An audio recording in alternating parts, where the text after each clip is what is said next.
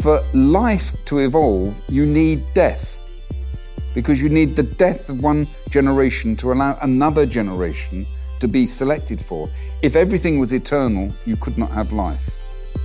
So, death is a critical feature of life. Just one of these sort of um, unexpected ways of thinking about it.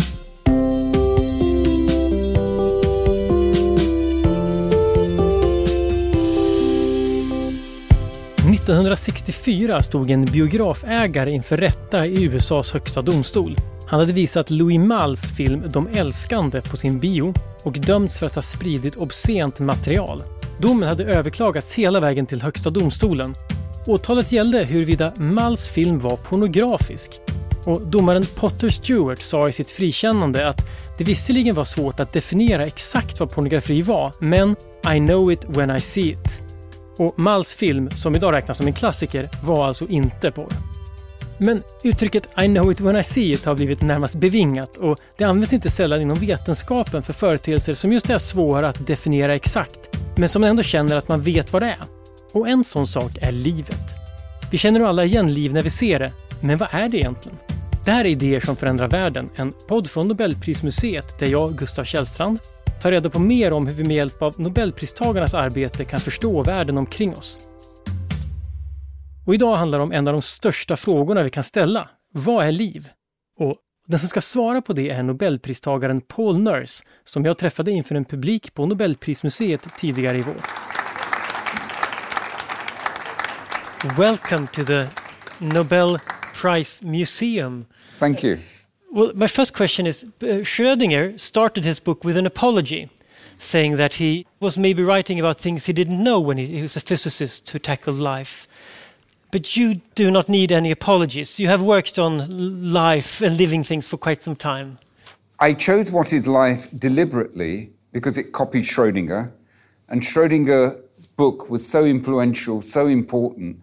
I thought maybe my book could come behind it and get a bit of um, help from Schrodinger's very influential book, which I remember reading when I was about 18. And it had really quite an influence on me, as it had done on the previous uh, generation of um, biologists. We're talking the 1960s, because I'm very ancient, as you can see.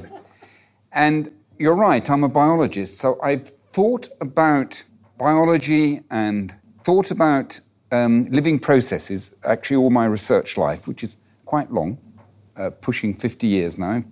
And it's been core to a lot of my thinking. So I thought before I left the planet, I should have a go at answering the question. And I don't pretend to have answered it, but I do think that maybe I've given a sense of direction to thinking about what is important. Nobelpristagaren Paul Nurse har forskat om livets grundläggande mekanismer i hela sitt liv. I sin nya bok Vad är liv? berättar han vad vi idag vet om hur livet på jorden fungerar och hänger ihop. Han fick medicinpriset för sin forskning om hur cellers delning kontrolleras och idag leder han arbetet vid Francis Crick-institutet i London, Europas största biomedicinska laboratorium. What I decided in um, trying to um, frame this question was to consider what I thought were some of the great ideas of biology. Because we biologists don't tend to talk about great ideas. What we tend to do is describe lots of things in infinite detail. You know, if I was a 19th century biologist, I'd be counting the numbers of hairs on a beetle's leg. Um, today, we sequence thousands of genes. It's sort of description. And sometimes we biologists get lost in description and don't ever try and put the ideas that are important to our subject together. The complete opposite are the physicists. One of my daughters is a high energy physicist whose experiments have been at CERN, you know, the Great Large Hadron Collider. And they're talking about fundamental ideas all the time. If you go into the bookshops, there will always be books looking at the basic principles of physics. You don't see that in biology. So, what I thought I would do here was kill two birds with one stone. I would consider five of the great ideas that underpin biology, which I don't think get enough exposure, and then try and put them together to get a sense of what life is. And that's the objective. And the third thing is like Schrodinger's book, it's very short. It's more than 100 pages, but the um, print is quite a lot bigger than Schrodinger's um, book. Yeah.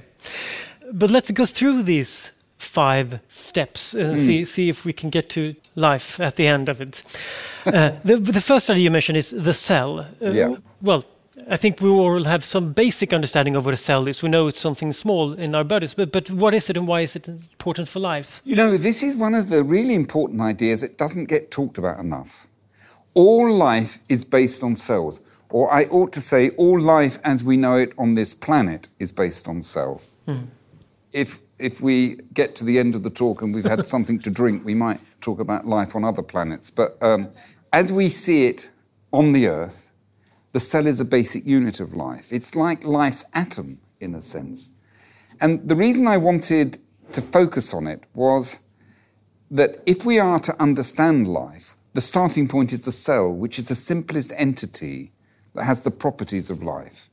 I mean, we are made up of billions of cells. We all came from a single cell. Let me remind you of that. You were all once a single cell. Uh, if if you've lost interest already, there's a door out there. I mean, the, the reality is that cells are critical for us, critical for all life. All growth and development is dependent upon the uh, growth and development of cells. So, to try and address the basic properties of life, we have to ask ourselves what is it about cells that is different from something that isn't alive? And that is the starting point. Just to uh, say a few things. cells are bounded, they're separate from the environment, but they're in communication with the environment. And the reason I emphasize that is because some physicists, including Schrodinger, was very worried about the second law of thermodynamics and how life seemed to contravene that, because the second law of thermodynamics uh, says we're all rushing to disorder, and here life is increasing order and organization. But there's no problem with the second law of thermodynamics because um, cells are bounded entities, increasing order and organization at the expense of disorder outside the cells. So I just wanted to make that point. The, and often um, a, a, problem that physicists often talk about isn't actually a, a problem. And cells are remarkably similar in all living things that we can see. I spent my time as a researcher working on yeast, which seems boring, makes beer, makes wine, makes bread. Not that boring. Not that boring for those reasons, exactly. But it, is, in fact, fundamentally the structure and functioning of a yeast cell is the same as a human cell. There's a little bit of history in this book here, little bits, not very much, because the idea of the cell is really ancient, actually. Um, had its origin in the 1660s in Oxford, which is where I live, and where a scientist called Robert Hooke looked under the newly invented microscope, or fairly new in the last 50 years, and looked at living things, took a slice with a, a razor of a plant, and saw all these regular boxes underneath the microscope. And he called them cella after um, cubicle in, in Latin. And that was the the first cells. And he described them. But this idea that cells were the fundamental structural unit of life and also the fundamental sort of functional unit of life took about 150 years to mature. It wasn't until the early 19th century that cells were shown to be the basic unit of life in animals as well as in plants, and it was unified. And also, and this is important, there were living things that were only made of a single cell just like yeast. And this was discovered actually a few years after Hooke by Leeuwenhoek. And what Leeuwenhoek did, who was a Dutch draper, he worked in Delft, is he scraped between his teeth, put it under the microscope, and saw all these single cells jumping around. He was a bit shocked by this because he rather, was rather proud of his dental hygiene. And here it was with something living, living on his teeth. Hmm. And this meant that something alive could be just a single cell, really quite fundamental. When you say that, that they are the functional building block as well. Is that to do with they're not just building blocks like Lego pieces, they're actually living things in themselves and they do things on this level, right? Exactly right, Gustav. And they, that's why I use the distinction structural basis of life and they're also the functional one. And they're not just um, bricks. So that's the starting point. För många fysiker ändrade atombomben hur de såg på sin forskning. Det som hade varit ett sätt att utforska naturen hade lett till förödelse och död. Det här bidrog till att fler forskare som tidigare setts som världsfrånvända nu fick högre status, högre lön och bättre jobb. Men för många blev fysiken mer oaptitlig efter bomben. En utväg blev då att sadla om och istället forska om någonting annat. En sån väg hade fysikern Erwin Schrödinger öppnat i sin bok Vad är liv? från 1944. Där ställde han frågor om hur livet fungerar på en molekylär nivå. Och det här inspirerade många fysiker att börja titta på biologins minsta beståndsdelar. Boken fick också många unga forskare att se biologi som ett hett forskningsfält långt borta från bomber, död och politik. Det är ingen slump att DNA-molekylens struktur upptäcktes av biologen James Watson och fysikern Francis Crick. Och inte heller någon slump att det skedde ungefär tio år efter Schrödingers bok. The next uh, step or chapter is uh, the gene. Yes. So the genes are another fundamental unit in life. The genes are only found in living things. And genes are the basis of heredity. And here we get into the territory that had been uh, uh, observed ever since Aristotle, really, that living things give rise to other living things that are pretty similar to what they look like. So we look at our children and they have similarities to us. We breed a plant and the progeny looks similar to the parents. So, what is the basis of this heredity? What is the basis of seeing similarities from generation to generation to generation? which is, of course, central to life. And here we get into the gene. The gene was, it wasn't actually discovered by Grigor Mendel. Grigor Mendel was a monk in Brno in a monastery. And this is, this is quite remarkable. You know, in the middle of the 19th century, in the Austro Hungarian Empire, monasteries could be places of research, a bit like a university. And Mendel was in a order of teaching monks, and they were very interested in research. And Mendel was trained in physics. He failed all his physics exams, actually, so he never got um, did well in exams. I have lots of sympathy there too, because I couldn't get into university because I failed my exams as well. So it, it's good to hear uh, to read about Grigor. But you didn't end up in a monastery. Yes, he ended up in a monastery. um, but intending to teach people. But he was interested in astronomy and he built a telescope and he looked at the moon and he was interested in meteorology and measured the weather and, and, and, and so on. So he had in his head a sort of quantitative feeling, you know, that you measured things, you counted things, which came from physics. Now, at the time, this is, you know, 1860s, there was a lot of interest in plant breeding because trying to improve crops, trying to improve flowers that you could buy. So there were quite a number of plant breeders around, crossing different plants together to try and understand this. And it was all a mess, to be quite honest. They'd cross something, uh, one plant with another, and the characteristics of this one would sometimes reappear and the progeny, sometimes disappear, then reappear again, and nobody could make any sense of it. And what good old Grigor did in his research laboratory in the monastery. And I've been, I went to the Brno monastery in um, the middle of the Cold War, 1981. I saw his garden. It was big. The greenhouse he had built by the abbot. You know, something about the side of this uh, end of this room here. They really invested in the science. Quite remarkable. So, what did Mendel do? He crossed things, he catalogued them carefully, he counted what happened, different progeny, and he noticed clear ratios. He did something else first, though. I just want to mention this. He did lots of trial crosses with about five or six different plants, and most of them he couldn't make any sense with. I told you they were complicated. And he did a very bold thing. He said, Right, I'm not going to bother to look at those, it's too complicated. With peas, he got simpler answers, and he thought, I'll try and understand peas, and what that may do is inform the others. He was cheating, in other words. He simply just focused on things he thought he might understand.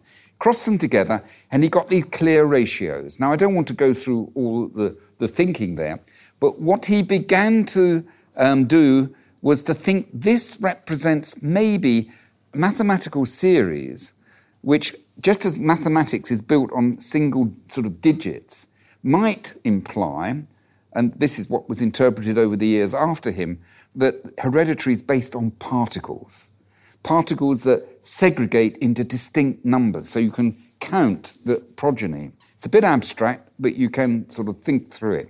And he therefore proposed basically that um, when you got um, uh, two plants crossing to each other, they both started with um, two factors which uh, were important for a character. And when they made a gamete, one of them would go into the gamete from one plant and one from another. So you had a reduction into one half and then restore it. And out of this, he calculated all these various um, particles. And that was the basis of heredity. What he was looking at, the particles, he didn't quite define it correctly. That occurred 35 years later. By the way, nobody took any notice of what he did. Zero. I found a reference to him in the Encyclopedia Britannica that referenced his work but paid no attention to his models absolutely no attention. And out of it came, in about 1900, rediscovered by three other scientists um, who were doing plant breeding, um, all of whom realized they'd been scooped by the gardening monk 35 years before. The first one ignored it. The second one, who had been scooped by his immediate predecessor, referenced it a lot. I'm sure there was something going on in his head. Mm. And in the end, they all came out with the fact that um, the, the, gene had been discovered. It, but it, it's a very, another very important um, property of life, the gene. And subsequently, and you will be more aware of this, the chemical nature of DNA was determined actually in Rockefeller University New York, where I used to, to work, by Avery. Then um, Watson and Crick determined the structure of DNA in Cambridge with Wilkins and Rosalind Franklin's data.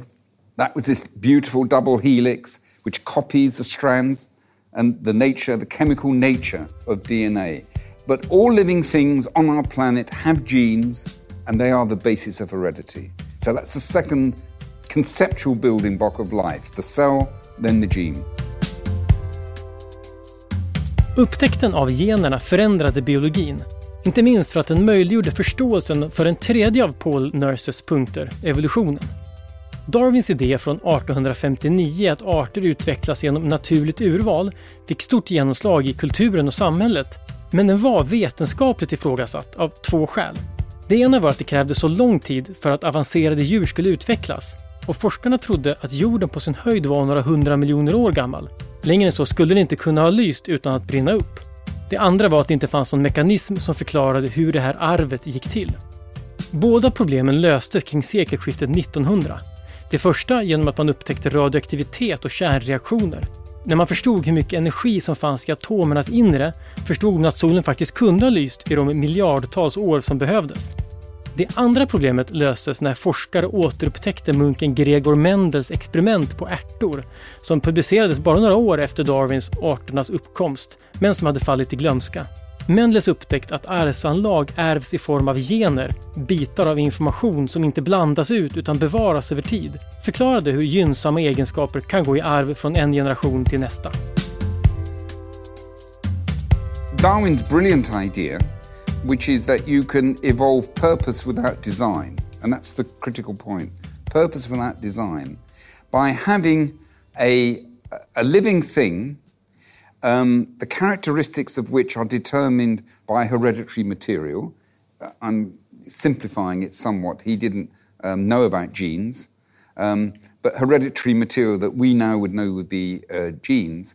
And because those genes varied in different progeny for various reasons, they could get damaged or reshuffled and so on, what you would produce is progeny which were all a little bit different.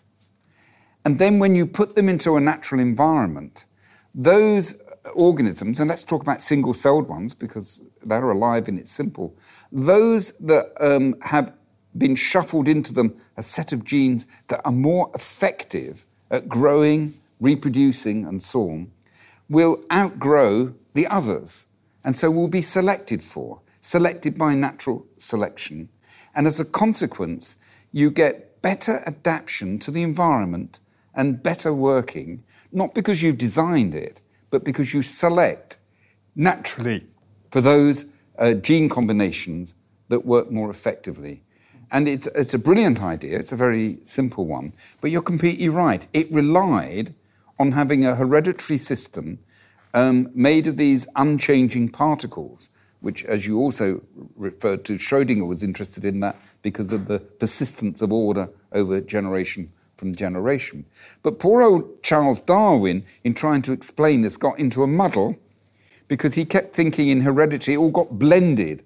And then if it got blended, it, you lost this ability to select for certain combinations.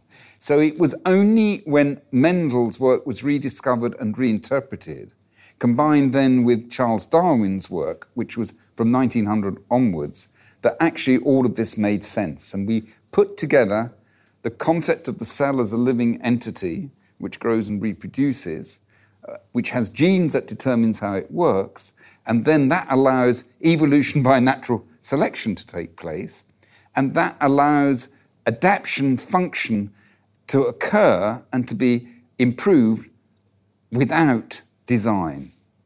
And of course, that's still very um, controversial for some today because it, of course, goes back to a divine creator and so on. Mm. You don't need a divine creator if you have this system in place. It doesn't tell you how life arose in the first place, but once it's there, it can evolve and produce the amazing diversity we have around us. Yes, isn't there often a misconception there that, that sometimes people think that since mutations changes in the genes, they are random. But evolution isn't random. It's it's natural, but that's not the same thing as random in a sense. There's a pressure to it. Well, there, there is quite a lot of debate about quite how random it is and so on. But okay. it, without going into those complexities, uh, the way to think about it is you have all these progeny slightly different, randomly different, but the ones that succeed most will be the ones that take over in successive generations. Now, there's another interesting thing to say this that you need generations, one after another, for this system to work. So, for life to evolve, you need death, because you need the death of one generation to allow another generation to look uh, to, to be selected for. If everything was eternal, you could not have life. So, death is a critical feature of life. Just one of these sort of um, unexpected ways of thinking about it. There's a famous quote about science, which is the same thing that uh, science science doesn't change its mind because of new ideas, but because old scientists uh, die. yeah, I think that was um, one of the um, high energy physicists in the 1920s. It might have been Bohr. What they said is that. Um, scientists don't convince other scientists. Yes. It's just the one, one set of them die off, and so um, that that solves the problem. But it is quite interesting that the idea of evolution, of course, it's not the same thing, but but it is applicable more than metaphorically, I guess, to ideas or uh, and thought and so it's, on. It's a really culture. interesting uh, concept, and uh, you get people like Richard Dawkins who have pushed it into the territory of memes and ideas and so on. A more straightforward analogy is, in fact, to uh, um, set up a computer uh, for the program to evolve um, to because you select um, within the computer for certain behaviors that do more effectively what you want. And this allows you to design without understanding why you're, how you're designing it. And of course, uh, which is the, the, the same, um, the same principle yeah. as evolution by natural um, selection. But, uh, but evolution uh, deals with how living organisms then interact with the environment around them. But if we go inside the organism, so we talked about the genes and we talk about DNA, we talk about the genetic code. And the genetic code is it's not like a cryptogram where it's hidden, it's more like a computer program with instructions, isn't it? Well, right. So now we, you see, what we've been talking about up to now has been a bit abstract. Um, and in a sense, it's, it's not completely satisfying because we still want to know how does life work? And um, there's two important elements that, which is the fourth and the fifth idea I talk about in the book. The first is that this cell, this bounded entity, which undergoes evolution by natural selection, is a chemical and physical machine. and it has the most extraordinary chemistry, a metabolism which allows it to take simple molecules from outside the cell, change them into other simple molecules, assemble them together into bigger molecules that then can then produce a, an object, an entity, the cell, that can grow, increase its size, and then reproduce. And that is all done by a myriad of chemical reactions going on inside a cell, many thousands of them, all within a tiny, tiny space, something like 10 millionths of a meter diameter. And you have many hundreds, if not thousands, of reactions going on in this very confined space. It is extraordinary chemistry. And that uh, chemistry is brought about by enzymes, which are proteins, and the proteins are a, a, basic constituent of all living cells. They're chains of amino acids, and we'll come back to that in a very important way in, in a moment. And these chains of amino acids fold up in particular ways.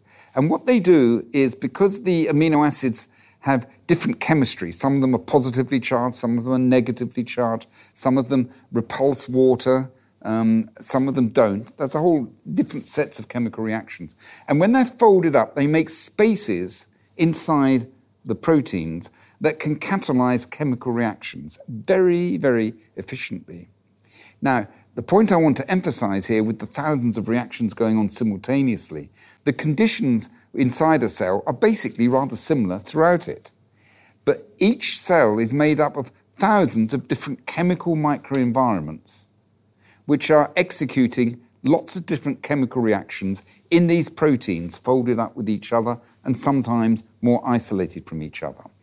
So we have an immensely complex chemical machine that is capable of growing the cell, of making a cell, and then reproducing it, all based on the simple laws of chemistry, but the immensely complex putting it together to get a behavior of the whole thing as a whole, which introduces the next idea, which is the cell is not only a chemical and physical machine, it's an informational machine.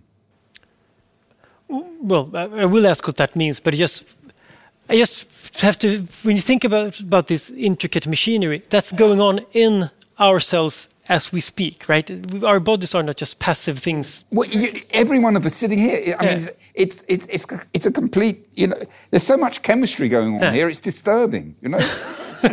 it's completely yeah. disturbing if we put all the cells together, there are billions and billions of chemical reactions going on every second inside you, yeah, yeah. Gustav, just now. Yeah, yeah. So, so, so when people say, if someone say that they don't like chemistry, they, I mean, that, that's sort of self-hate. You are chemistry. Yeah, you are chemistry. Uh, but, but so, but back to information. So. Yeah, now this is important. Um, and we'll come to DNA, which is the where everybody thinks I, I'm going to go. But I'm going to start in a different place, because all of this, these chemical reactions they have got to lead to a purposeful behavior for the cell as a whole, for this thing to work. A purposeful behavior. What does that mean? It means that all these different chemical reactions have got to be coordinated together and work together to get a holistic outcome. So you have a sort of reductionist explanation, all these different chemistries going on, connected together in a holistic fashion to behave as a whole and produce purposeful behaviors. You can only deliver that, only achieve that, if you've got a central role for information as well. Because all of these different chemical reactions have got to somehow be coordinated by talking to each other by different ways. And that communication leads to an overall controlled behavior. It's a little bit like a car, say. You take a car and there's all these different bits that work there, but they have to be coordinated together to make the thing go along the road. Now, that is simple compared with what a cell is doing. So, information is critical in understanding this chemical and physical machine. A very obvious example of how important information is, which you've hinted at, which is, of course, the code script of Schrödinger, the genes as we now know it, are, of course, informational storage devices. I mean, that's what, that's what they are. And it's encoded in the DNA. And the DNA is another polymer molecule made up this time of nucleotides. And the sequence of the nucleotides um, determines the sequence of proteins that are coded by particular genes. So you have a sequence on a, a, a DNA molecule which is a bit like a sentence you'd read in the book, um, because a very efficient way of storing information is in linear sequences. And we think we invented it with language. We think we invented it with writing. We, the computer people think they invented it with bytes, all of which are ordered in linear sequences.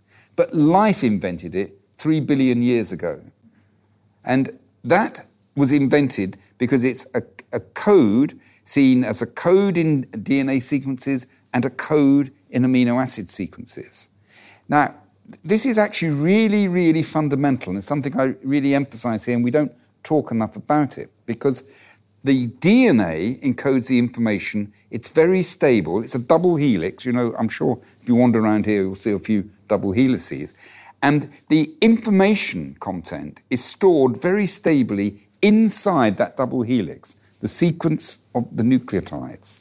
That is then transcribed and translated into proteins, which are made up of more complex amino acids that have different chemistries, that fold up, as I've explained to you, in different ways to give rise to chemistries.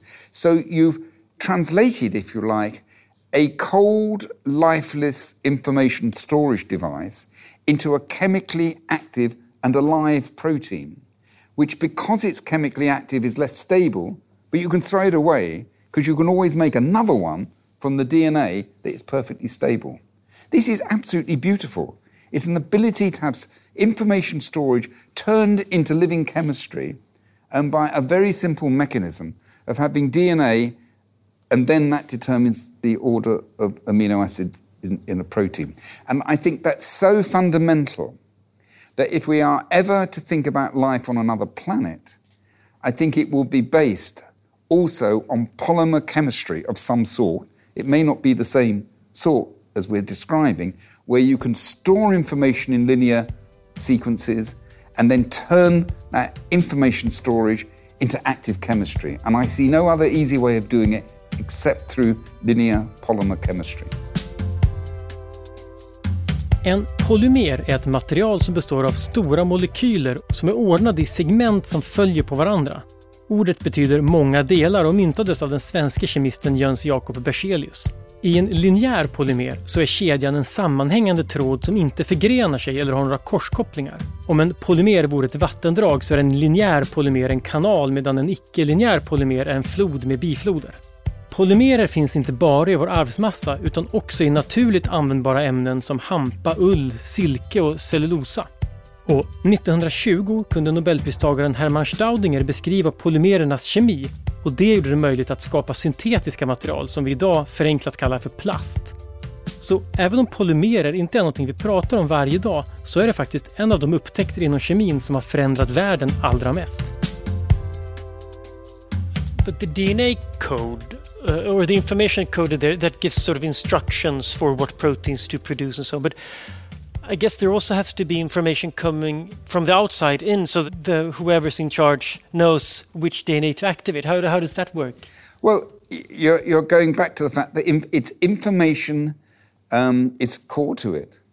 That you, that the cell, and I'm going to talk as if the cell is a human being. It's just anthropomorphically. Scientists are not meant to speak like that, but it's much easier to imagine it. Um, what, what's happening is that the cell is sensing the environment, and it's sensing that environment and that information that it's detecting, and if it's a simple cell, it may be sensing whether there's glucose outside and whether there's glucose, more glucose here than here, so the cell should go over here to get glucose because that provides the energy that allows the cell to work.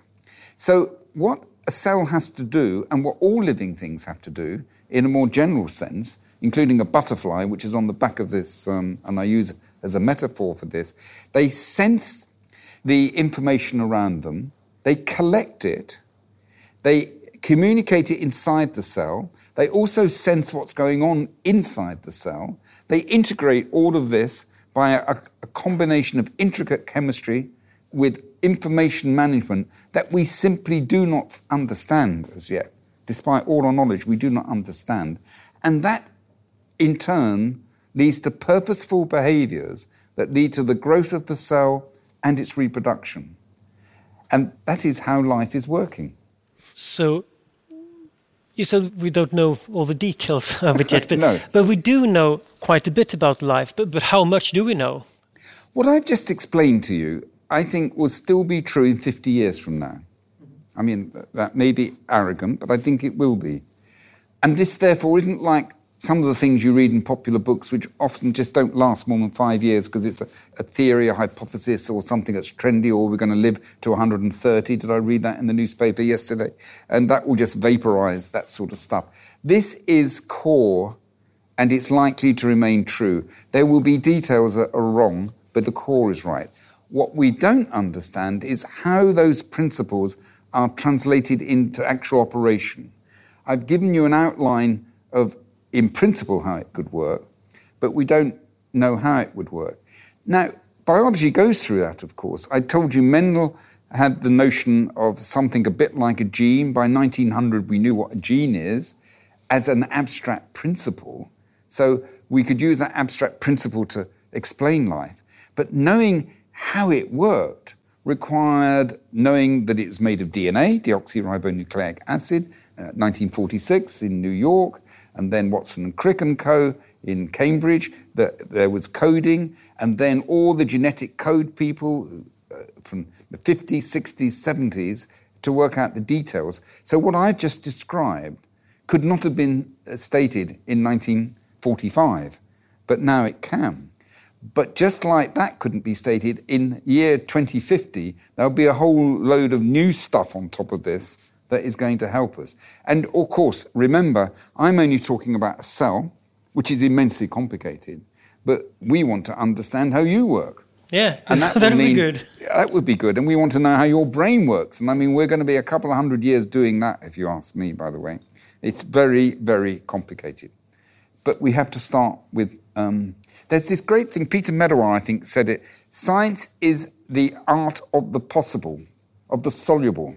And you can ask the grandiose questions, but if you can't approach them, there's little point in asking them. So let's start with something we can answer and then build on that to things that we can then address in the future. Mm. Very good quote. I, am not sure how, how far you should trust Peter Medawar. Do you know he's called his autobiography uh, Memoirs of a Thinking Radish? I do. I do. do you know yes. why it's called that? I, I, never really understood it. I've actually read that thing and I've never come across radishes in it, actually. no, it's a strange Radish is a plant you eat. So I don't know what he's thinking about, but anyway. But I, I wanted to ask you one more thing about the book, and that is the cover. It's I don't know if, if anyone can see, but it's a very beautiful cover. This it's a stylized tree with these branches going out. Uh, it is, and actually on the back is a butterfly you know, when I was a child or a teenager and seeing a butterfly flitting about the garden and wondering what was it that makes a butterfly alive and that stone not alive. And I started thinking about that uh, then. So this started me, and this is, of course, the tree of life here. I, would like to think I, I suggested this. I didn't. It was, of course, the, the publishers who are good at that sort of stuff. But, but you do say in the book, uh, they might have been inspired, partly at least, by the content of the book for the cover, because it, you, you have a quote here.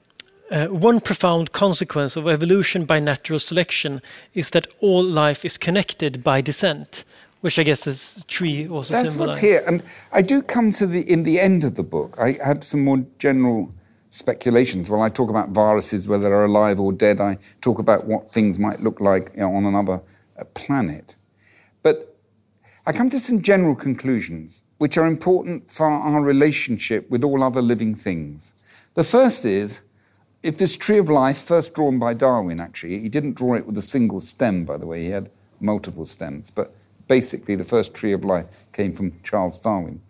Um, what this implies is that all living things on our planet are related one with another.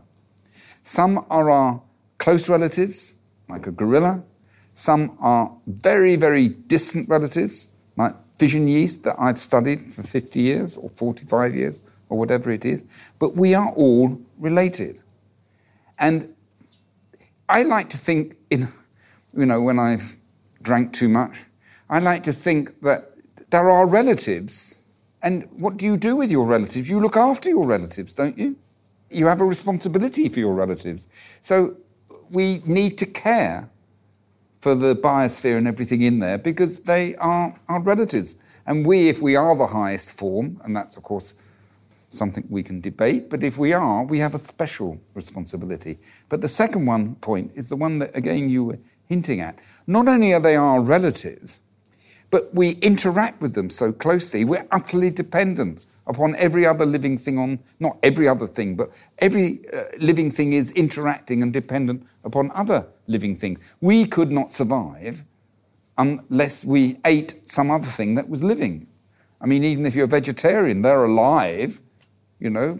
So we have inside us bacteria in our stomachs which are making amino acids we can't make. We depend completely on other living things living inside us. So not only are we related, but we're highly interacting with living things on the rest of the planet.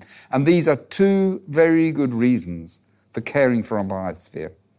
We are related to everything and we are dependent on everything through interaction. And as far as we know, we are also the only biosphere that there is, that we know of at least. So that gives us maybe even more of a responsibility. Well, that's interesting, isn't it? we are the only biosphere we know about, which doesn't mean there's not other biospheres out there, but we're the only one that we know about. And as far as we are aware, we, that is us human beings, are the only ones that are actually thinking about what it all means, the, the biosphere. So, because for some reason we've evolved a brain function that allows us to do it. Mm. Now, out there, because the universe is so vast, it is likely there will be other living things. If it's a multiverse, then I mean, there's even more uh, possibilities of that. What will it look like? We don't know. James Webb might be able to look at atmospheres and look for a lack of equilibrium that might imply life's processes. But what I, and I said this before and I just wanted to repeat it, I don't know what it will look like. I don't know what the precise chemistry will be. But I think it will have to have the same properties of evolution by natural selection. That means it must have a hereditary system embedded in a chemical and informational machine.